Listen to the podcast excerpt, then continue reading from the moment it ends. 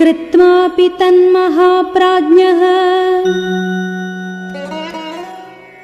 स भविष्यम् सहोत्तरम् चिन्तयामास कोऽन्वेतत् प्रयुञ्जीयादिति प्रभुः।